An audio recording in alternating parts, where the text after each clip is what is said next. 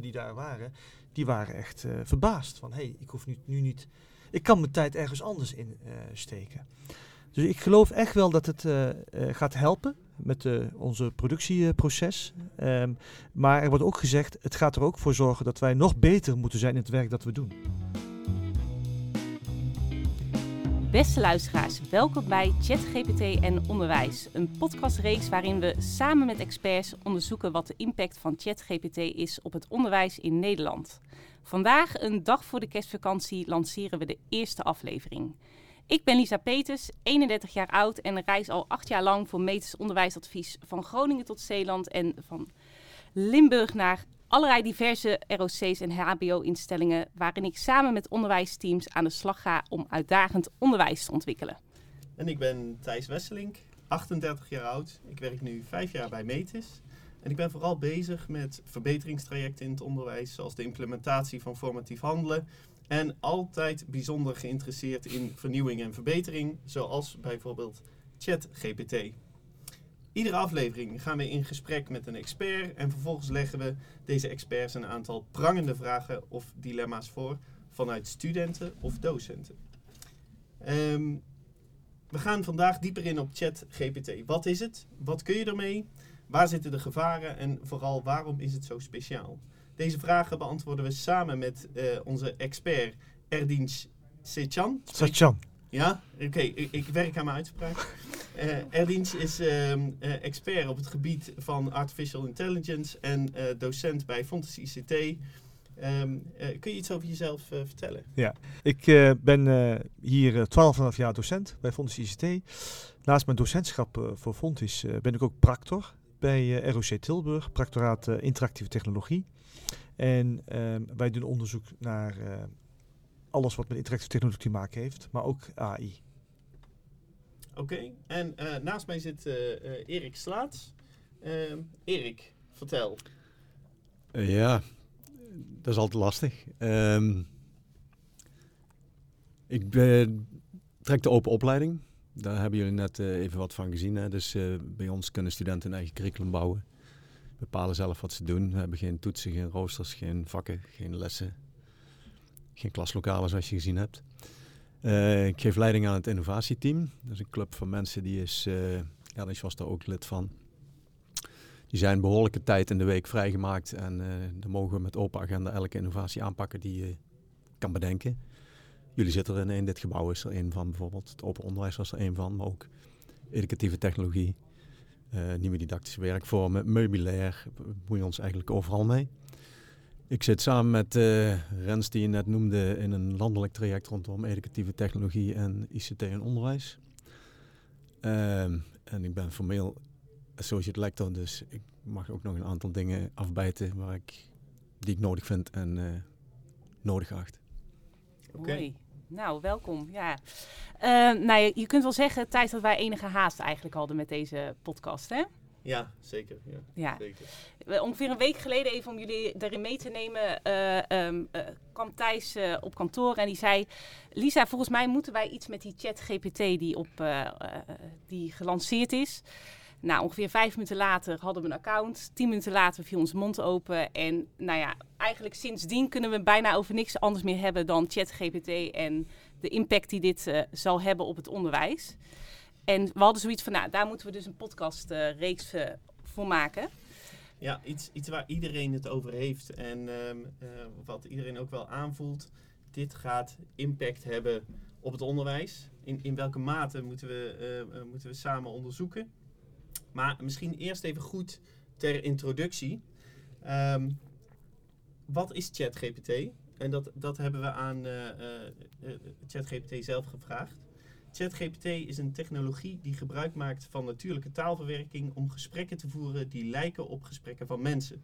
ChatGPT is een laagdrempelige AI-tool die op basis van kunstmatige intelligentie teksten verzint. Nou, prachtig, Thijs. Een prachtige introductie. Nou, dit soort teksten, nou ja, we kunnen zo nog wel even doorgaan met alle voorbeelden die je uit uh, ChatGPT kan halen. Uh, dat heeft natuurlijk direct implicaties voor het onderwijs. Hè. Je kunt hem uh, vragen om stuk te schrijven, om huiswerk te maken, reflectiesverslagen te maken. Maar ook hebben we hem al gevraagd om lesvoorbereiding volgens een direct instructiemodel, kennisclips, feedback te geven aan op stukken die je leest. Dus nou ja, de mogelijkheden zijn eindeloos. Net hebben we ook al met wat studenten gesproken hier. Nou ja, die uh, geven ook al aan hè, van een stuk waar ik misschien eerst uh, twee uur mee bezig was. Dat gaat nu een aanzienlijk stuk, stuk sneller. Um, dus nou ja, daar gaan we graag met jullie over in gesprek.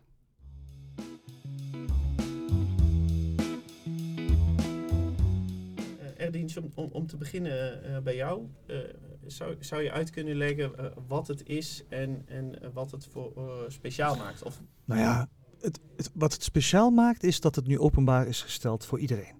In vijf dagen tijd waren er al 1 miljoen gebruikers. Je ziet soms dat het uh, een hiccup heeft, hè, omdat er te veel gebruikers erop zitten. Het is niet iets heel nieuw, het bestond al een tijdje. Alleen het is nu dus grootschaliger en veel sneller op de ja, beschikbaar gesteld. Je zag ook al ontwikkelingen omtrent text-to-image, met DAL-E en Midjourney, uh, text-to-sound. Uh, en en ChatGPT is een start-up of initiatief van OpenAI. En die hebben gisteren een product gelanceerd waarmee je 3D-modellen kunt maken. Dus je ziet er een enorme versnelling in de mogelijkheden die er al was. Het is niet nieuw, hè, AI. Is al uh, sinds, ja, Erik weet het beter, maar sinds de jaren 50 al uh, aan de gang. En het soms meer aandacht en soms veel minder. En nu, sinds een jaar, ja, een, een, een enorme toevlucht mogelijkheden. Um, dus wat, wat het ook heel spectaculair maakt, is dat je echt in gesprek kunt gaan. tussen aanhalingstekens. En vragen blijven stellen. waarop een best wel een redelijke antwoord op komt. Ja, en, en wat iedereen zich dan gelijk afvraagt van waar, waar baseert hij die antwoorden dan op? Ja, nou, het is, ze noemen het de LLM, hè, Large hmm. Language Models. Het is echt op dit moment gebaseerd op tekst die ze van overal uh, vandaan uh, halen. Ik vind het wel leuk, uh, van der Vorst heeft onderzocht of hij iets wist over seks. het is dus wel een hele kuise tool. dus, um, want anders had je wel heel veel informatie daarover kunnen krijgen. Dus soms stopt hij ook met antwoord geven als je bijvoorbeeld uh, racistisch wilt worden of uh, uh, seksistisch. Dan hebben ze daar een, ja, een soort kuisheid in. Het, het, is nu nog gratis, hè? dus je gaf het al aan van het is nu dus open voor iedereen om, om, om te gebruiken. Um, gaat dat zo blijven of hoe... hoe nee. Tel Erik? Dit is een hook-on model. Ja? Dus uh, zorg dat iedereen het gaat gebruiken. En op een gegeven moment kun je niet meer zonder. En dan gaan er andere verdienmodellen onderkomen. En dat hebben we bijna overal gezien. WhatsApp is, uh, is al jaren voor ter discussie. Dat heeft Facebook natuurlijk overgenomen. En daar zit verdienmodel in de data die ze daarmee binnenhalen. Dus uiteindelijk proberen ze zoveel mogelijk mensen te laten onboorden. Om hun waarde omhoog te krijgen. En zo een verdienmodel dicht te krijgen. Ja, ja, ja. ja. En er zitten grote jongens achter, hè? Uh, Microsoft uh, ondersteunt ze. En een van de oprichters, mede-oprichters, is uh, meneer Musk. Ja. Dus dan zie je waar het geld. ja, maar ik, je weet het nooit. nee. nee, maar volgens mij is die, er, is die eruit gestapt. Omdat hij, hij zat er aanvankelijk bij, omdat hij wilde voorkomen dat het bij Big Tech terecht kwam. En het, toen het dus in handen van Microsoft zou vallen, toen heeft hij gezegd, ik, ik stop ermee. Ja, tech kun je toch niet buiten houden. Dit is geënt op modellen van met name Google, Bird en zo. Echt, dat, daar gebeurde het en die modellen staan open. Kunnen jullie met, jullie net met Nick gesproken, die zal wel iets over gezegd hebben. Uh, en de flaws die daarin zaten, die zien we nou ook terug. Je moet maar eens vragen of hij een limerick wil schrijven. Kan hij niet, hè? Of vertel eens iets leuks. Lukt niet.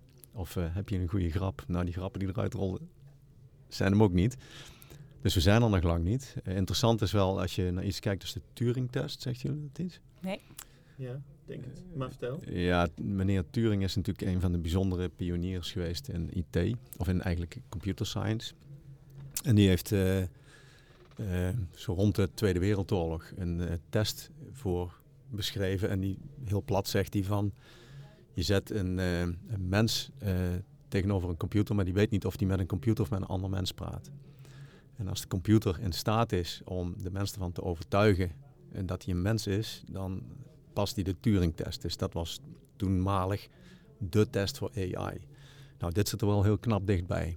Dit gaat, uh, het gaat alle kanten op. Daarnaast het blijft AI, dus die, uh, daar zit een zekere bias in. Dus die zal dingen op een bepaalde manier doen. Uh, mensen die mij kennen herkennen mij ook als ik praat. Waarom? Dan herkennen ze mijn bias. Dus als Ernst luistert en ik vertel, dan hoeft hij mijn stem niet eens te horen. Dan weet hij dat ik het ben. Waarom? Hij me. Dus je kan op een gegeven moment kun je ook gaan aanduiden waarom. Of, uh, of dat het door AI gemaakt is, ja of nee. Daar is heel veel vraag naar op dit moment in onderwijs. Ik denk niet dat dat de oplossing is trouwens.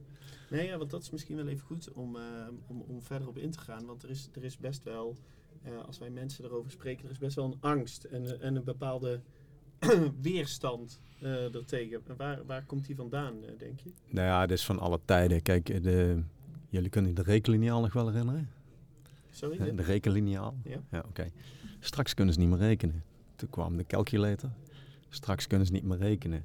Toen kwam de spreadsheet. Straks kunnen ze niet meer rekenen. Nou komt AI. Straks kunnen ze niet meer rekenen. Slecht nieuws, ze kunnen toch niet rekenen. Alleen wat we ermee kunnen, kunnen we wel veel en veel beter. Dus dit is gewoon een volgende stap en die gaat gewoon een hoop opleveren. Laten we even wel wezen. Als ik hele goede ideeën heb, maar ik ben slecht in formuleren en ik heb zo'n tool ter beschikking. Prachtig toch? Hè? Het wordt niet beter. Ik denk dat de angst erin zit van, oh, dan moeten we alles gaan nakijken. Wat? Nou, nog meer slecht nieuws. Dat gebeurt al lang, want studenten knippen en plakken van het internet al jaren. En de docent leest zich de pleuris. Dat moet je niet doen. Ehm, je moet ook ophouden met het toetsen op dat ding. Dit, een, een rode pennetje in een stuk tekst, dat werkt gewoon niet. Je moet een betekenisvolle dialoog kunnen voeren en dan kom je erachter wat er aan de hand is. En daar ben ik dus wel blij mee. Dit gaat een zetje geven om die betekenisvolle dialoog weer eens te voeren. Dus als iemand bij mij komt met een stuk wat hij van internet gehaald heeft of wat hij AI heeft laten opstellen en we gaan erover in gesprek en hij weet niet wat hij aan het doen is, dan is het kort proces. Ja. Dus ik denk dat onderwijs eigenlijk alleen maar beter voor wordt aan het einde van de rit. Ik sluit bij, bij, daarbij aan. VU, uh, Vrije Universiteit, heeft een artikel geschreven hoe je met uh, ChatGPT uh, moet omgaan. En daarin zie je een hele belangrijke stuk, wat wij eigenlijk proberen al jaren te doen. Het proces is belangrijker dan de, de, de, de, de uitwerking. En dat moet dus als onderwijs, moeten wij als onderwijs omarmen. We moeten ervoor zorgen en nadenken van hoe ga je nou die betekenisvolle dialoog aan? Hoe zorg je nou voor dat docenten daar tijd voor krijgen? Dus je moet daar als onderwijs, bestuur, uh, ministerie, uh, docenten uh, over nadenken. En dus de versnelling die Erik net noemde, daar, daar geloof ik in dat dat nu ja, beter wordt. Heb ik wel een leuke aanvulling op. De, die jongens waar je net mee gesproken hebben, die zitten in een afstudeer-startup, Open Maze. Die gaan straks, uh, die komen met dingen dat je gewoon een document vraagt van uh, vertel me waar de waarheden zitten. En uh, waar de, dus straks levert een student een AI geschreven stuk in waar wij de AI tegenaan zetten die dan dingen uithaalt waar we dan het gesprek over aangaan. Dus de, je, krijgt, je krijgt wel rare toestanden. Dus, ja, je komt op een soort hellend vlak waarbij de AI iets aan de AI gaat. Ja, dat is de I ask my program to ask your program to have a dialogue. En ja, ja je kunt ook daar nog mee afvragen wat is daar mis mee. Dus, uh, want dit leidt tot, tot niks. Dat kun je gewoon uit, mm-hmm. uittekenen. En hoe meer je de uh, teksten gaat genereren die door AI gegenereerd zijn, hoe meer ze op elkaar gaan lijken, hoe meer ze op het internet komen, hoe meer de AI zich traint met zichzelf. Dat is ook nog een interessant om even over na te denken. Daarnaast het gekuisen van AI van bepaalde dingen mag hij niet doen, vind ik een heel slecht idee. je, moet, je moet gewoon alles meenemen om de werkelijkheid te zien. Dus hier is nog best wel wat werk aan de winkel en dit is pas de eerste stap. Maar het is wel een zeer significante. Dit gaat gewoon aangeven waar naartoe gaat. En hetzelfde hebben we gezien toen browsers en zo algemeen beschikbaar kwamen met dit. Telefoon. Ja, ik heb in 2010 een, een groot project voor Fontes gedaan, iPads, uh, en gekeken wat er gebeurde. Laptops waren toen nog niet normaal. En toen was de paniek al van, dan kunnen ze alles opzoeken. Ja, wend er maar aan. En dat is, dat is nu, ja, vinden we dat eigenlijk helemaal niet erg. Sterker nog vinden we het een beroepskwaliteit als je dat kunt. Dus ook dit gaat zijn plek krijgen. Ja, en wat, wat verwacht je dat... Uh, je zei, de, we kunnen onze voordelen ermee doen. Wat verwacht je dat de eerste voordelen zijn als je, als je kijkt naar komend half jaar? Nou ja, ik zei hem net al van... Uh, even een klein stapje terug. Wij, wij hebben de scriptie aan het einde van de rit eruit gedaan. Waarom? wij leiden mensen op die vaak met een technische inslag bezig zijn. Die zijn 3,5 jaar naar de molen gaan. De laatste half jaar moeten ze een meesterproef doen. En dan worden ze afgerekend op hun schrijfkwaliteiten.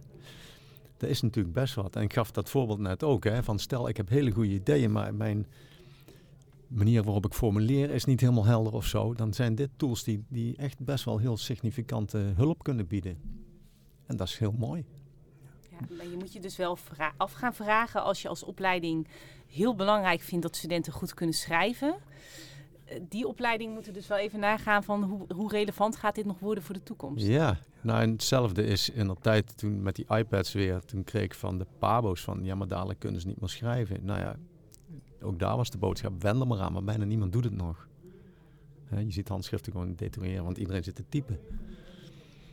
Ja, de wereld verandert. En, en toch is het wel interessant dat er uh, op de basisschool nog vijf uur schrijfonderwijs in de week is. En dat er eigenlijk nul uur in de week aan, aan deze onderwerpen wordt besteed. Nou ja, ik, het is best wel nog wel erger als je naar middelbaar onderwijs kijkt. IT is nog steeds geen examenvak, maar Frans wel.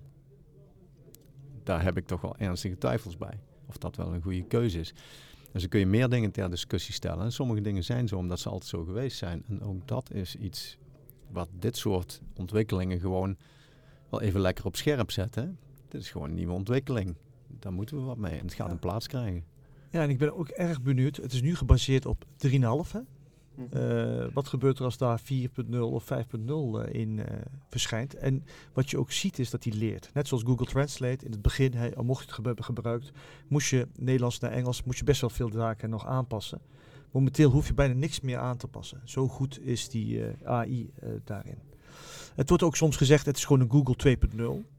Maar ik zie nu al dat hij veel meer kan en veel beter is dan Google op zich. Dus ik ben heel erg benieuwd hoe Google uh, dit gaat zien. Want het, er wordt gezegd dat het gewoon een vervanging is van Google. Dat mensen dus gaan googlen via ChatGPT. Dat heb ik nog wel interessant. Heb je je eigen naam zo ooit opgevraagd? Ja, hij blogt zelfs. Ik ben een blogger en dat vond ik wel heel. Oh. Ik vond het echt eng. Ik was een beroepswielrenner. Oh, ja, oké, maar. Um, dus hoe meer tekst je hebt, hoe meer je iets over schrijft, hoe meer hij uh, of zij uh, of it uh, over je weet, hoe meer. Ehm, ja, het klopt. Dus ik, ik ben heel veel. Ik, ben heel, ik, ik blog heel veel. Maar momenteel heb ik nu besloten om veel minder te bloggen. Eigenlijk nu even niet. Omdat je al, ook als een grapje de opmerking krijgt, heb jij het geschreven? Daarom was mijn titel voor ja. Surf dit is niet geschreven door AI. Dit heb ik zelf geschreven. Um, dus het, het, het, wordt een hele interessante discussie over ethiek, over uh, um, auteursrecht, uh, plagiaat. Dus we gaan, eh, we gaan nog heel veel hierover horen. Ja, ik, ik, ik, hoorde jou net zeggen, dit is 3.5. Kun je daar iets, iets over toelichten? Dat is, ja, dat is technologie die nu wordt ingezet om ehm, het model te trainen. Dus dat, dat, dat bedoelen ze met 3,5. En dan, het, er was ook een. Uh, heb ik het goed gezegd? Uh, ja, 3,5 ja. is gewoon een versie. Ja. ja. En, en dat, die versie die heeft eigenlijk substantieel meer geleerd dan vorige versies, yes. waardoor je nu een bruikbaar model hebt. Ja, en, en die moeten dus nadenken van wat gebeurt er met versie 4 en 5. Ja, ja als, als, je, als je kijkt naar de. Hè, we zijn bij een ICT-opleiding hier. Als, als je kijkt naar de wet van Moore, dan geeft dat eigenlijk aan dat, dat computers iedere twee jaar uh, dubbel zo. Ja, gaat sneller. En ja, ja, de, ja, kijk, wat er ook nog gebeurt is dat dit houdt niet op. Die, die, het einde van deze uh, trend die is al jaren voorspeld, maar dat blijkt niet zo te zijn. En dat ligt aan iets wat Ray Kurzweil gezegd heeft. Die zegt van ja, iedere keer als er een technologie tegen een uh, grens aanloopt die kennelijk niet slecht is, komt er een andere technologie en die, die springt er gewoon overheen. En dat zien we iedere keer gebeuren. Dus wat er eigenlijk gezegd wordt is dat elke verdubbelingsperiode gebeurt evenveel meer als in de rest van de historie. Nou, dat zit in onze onderwijsvisie ook, want daar kun je niet tegenaan ontwikkelen, moet je ook niet willen. Dat verlies je toch. Dat betekent dat je anders moet gaan kijken naar die werkelijkheid. En daar gebeurt dus iets interessants. Dus dat dit soort tools gaan komen, dat wisten we gewoon al lang. En dat die op veel meer verschillende vlakken gaan komen, wisten we ook al lang. We weten ook dat leeromgevingen van studenten ontzettend in wijziging onderhevig zijn. Waarom? Eh, AI gaat je herkennen, gaat je context kennen, gaat je daarop uh, helpen. Dus die gaat interventies plegen op het moment dat jij het nodig hebt. En het gebeurt al in ons dagelijks leven. Als je Google Foto's gebruikt, jij krijgt er voor jou gepersonificeerde foto's. Gebruik je Google Maps, die zegt van hier maar rechtsaf, van daar staan de file. Die kent jouw context, die weet dat je daar rijdt, die weet dat jij niet graag stilstaat, dus die geeft je een andere rit. Rit. En dat wordt helemaal niet zo gepercipieerd als dit uh, tool van OpenAI. Maar in feite komt het bijna op hetzelfde neer. De, context wordt gezien, er wordt iets mee gedaan. Dus te technology is there to help you. En ja. daar kun je ook anders over denken trouwens. Ja, om aan te uh, sluiten. Er zijn al heel veel mensen die het een en ander hebben geprobeerd. Dus als je aan uh, ChatGPT vraagt van is chloor drinken veilig? Of, dan geeft hij daar gewoon heel mooi beargumenteerd uitleg. Wat natuurlijk niet klopt. Dus je kunt ook, er komt een uh, waslijst of een, een, een, tsunami van fake news en complottheorieën ontwikkeld door uh, zo'n tool. De, en, en daar moet je dus, en dat is ook precies uh, een van de redenen waarom ik altijd zeg naast informatica, dat je ook als onderwijs of ministerie mediawijsheid een verplichte vak moet maken. Waar, zijn, waar komen de bronnen vandaan? Wat voor bronnen zijn het? Dus nadenken over waar je de informatie vandaan haalt en of het fake is of niet. Ik vind die van complottheorie vind ik wel interessant. Een proef die ik gedaan heb is gevraagd van... schrijf eens een onderwijsvisie voor Fontes. Dan rolt dat uit. En toen schrijf er eens een voor Avans. Schrijf er eens een voor In Holland. Die waren allemaal hetzelfde. Ja, ja, ja. Dus en, en toch zal het merendeel van de lezers zich herkennen in die, uh, in die Nou ja, om, om even eerlijk te zijn, ik ken de onderwijsvisies van die hogescholen, die lijken ook heel, heel erg op elkaar. Hoor. Ja. Maar het is toch wel interessant om te zien dat dat dus wel gebeurt. Ja. Dus. Maar het interessante, ik ben met een zelfevaluatierapport bezig uh, voor een opleiding bij In Holland. En ik stelde hem een vraag en hij relateerde dus het beleid van In Holland aan die opleiding en waarom het belangrijk was om puntje, puntje, puntje. Dus dat doet hij ook. Hè. Hij, hij weet ook wel van oké. Okay, super fijn toch? Super super fijn. Ja, nou ja, goed. Alleen al dat soort uh, klussen zijn. Wat beetje uh, merk ja. in dit gesprek is dat wij er, er alle vier al, al uh, best wel even mee bezig zijn geweest. Als je, als je nu zou uitleggen aan een, aan een docent die, die deze podcast hoort, die, die, die hier nog niks mee heeft gedaan, wat zou het voordeel kunnen zijn van een, voor een docent, pak een beter op het MBO, om met deze tool te werken?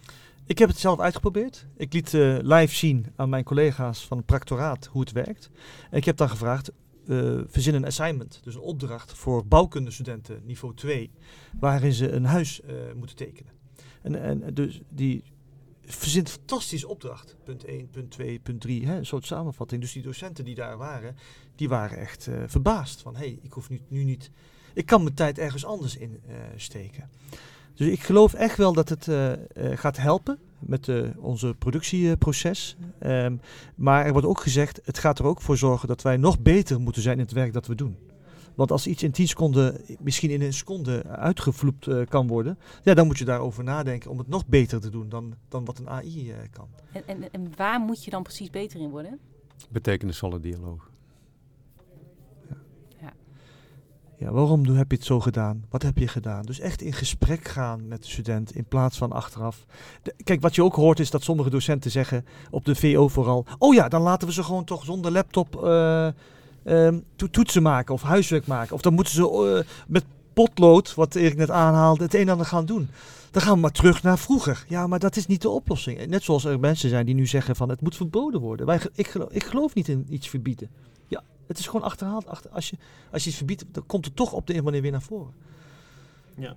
En, um, en dat is dus voor, voor docenten. Die, je zegt eigenlijk, het zou kunnen helpen in het ontwerpen van je, van je onderwijs. Dat je daar een, een outline bij hebt. Uh, daarnaast heb je je deskundigheid nodig, maar die outline zou je, zou je kunnen helpen. Um, denk je dat er moet onderwezen moet worden op het concept aan zich?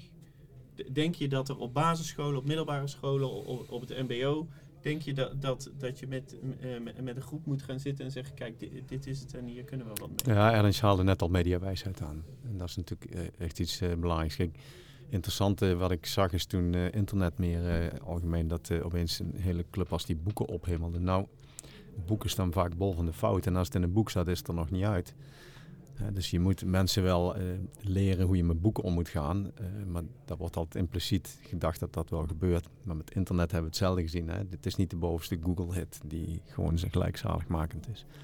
En dat geldt voor dit ook. Dus elke nieuwe technologie die komt, die moet je leren begrijpen en die moet je gewoon betekenis kunnen geven. Dus het is belangrijk dat er aandacht voor komt, maar niet de verkeerde. Verbieden heeft gewoon geen enkel nut. Zelfs met Wikipedia gebeurt. Hè? Dat is de belangrijkste, grootste encyclopedie die we hebben, die is heel lang in het wetenschappelijk onderwijs gewoon verboden geweest. Die kun je niet verbieden. Mensen zitten thuis en doen het gewoon toch. Ja. Dus wen er gewoon aan. Ja, dus, dus wat zou jouw advies zijn voor de docenten die na de kerstvakantie... Spelen ermee. Ja. Alsjeblieft, en doe het klassikaal. Geef de opdracht aan de studenten. Wat voor vragen kunnen we stellen? Geef de opdracht aan scholieren en, eh, of zelfs aan kleuters. Van wat voor vragen kunnen we stellen aan die eh, chat? Het is gewoon een chatbot. Hè, het is gewoon een, een, een, een, net zoals Siri of eh, Google Assistant. Eh, daar, daar vraag je ook soms hele grappige dingen van. Wil je met me trouwen? Of eh, hè, eh, wie gaat er winnen? Weet ik veel. Hè? En daar krijg je echt een leuk antwoord op vaak. Dus speel ermee, zodat de kinderen begrijpen wat het, het is. Ja, mooi. Dus mocht je nog een, eh, een, een kerstmenu zoeken, hè, dan, eh, dan is dat bij voorbaat al eh, de vraag... Sinterklaasgedichtjes doet hij niet. nee, daar is hij niet goed in. Hè? Daar had ik ook al uitgeprobeerd. Rijmen, dat, eh, dat, Nee. misschien is dat de volgende versie. Ja, eh. misschien in het Engels wel. Hè? ja. We hebben het alleen in het Nederlands. eh, misschien is in het Engels wel beter. Maar Maar de- daar zijn ook weer aparte tools voor, die, die gespecialiseerd zijn om in die context eh, de waardevolle output te leveren, denk ik. Ehm, ik, ik. Ik kijk heel even naar Lisa. Wil jij, wil jij, heb jij nog een, een prangende vraag? Nee, het is, het is volgens mij een mooie eerste aftrap van de, van de reeks, eh Ja. Thijs. Ik, eh, ik kan niet wachten eigenlijk om weer... eh, Nee, zeker. Ja, we, we, hebben het, we hebben met elkaar gehad over wat is ChatGPT, waar, waar liggen de, de gevaren en waar liggen de, de kansen voor het onderwijs. En, en als, ik, als ik jullie adviezen in één zin zou samenvatten, dan, dan zou ik zeggen, zorg ervoor dat je dit omarmt en ga erover met studenten in gesprek. Zeg ik het op deze manier goed? En dat je begrijpt. En dat je het begrijpt. Het, het begrip is, eh, eh, is heel, eh, heel belangrijk. Ehm, Nou, dan zijn we hiermee aan het eind gekomen van de eert- eerste podcast eh, ChatGPT en onderwijs. Heb je vragen? Laat het ons vooral weten. Wij gaan de volgende keer hier weer eh, verder op in. En eh, tot slot, mocht je het dus nog niet gedaan hebben, ga naar openai.com en ga in de kerstvakantie eens uitproberen en laat je verwonderen.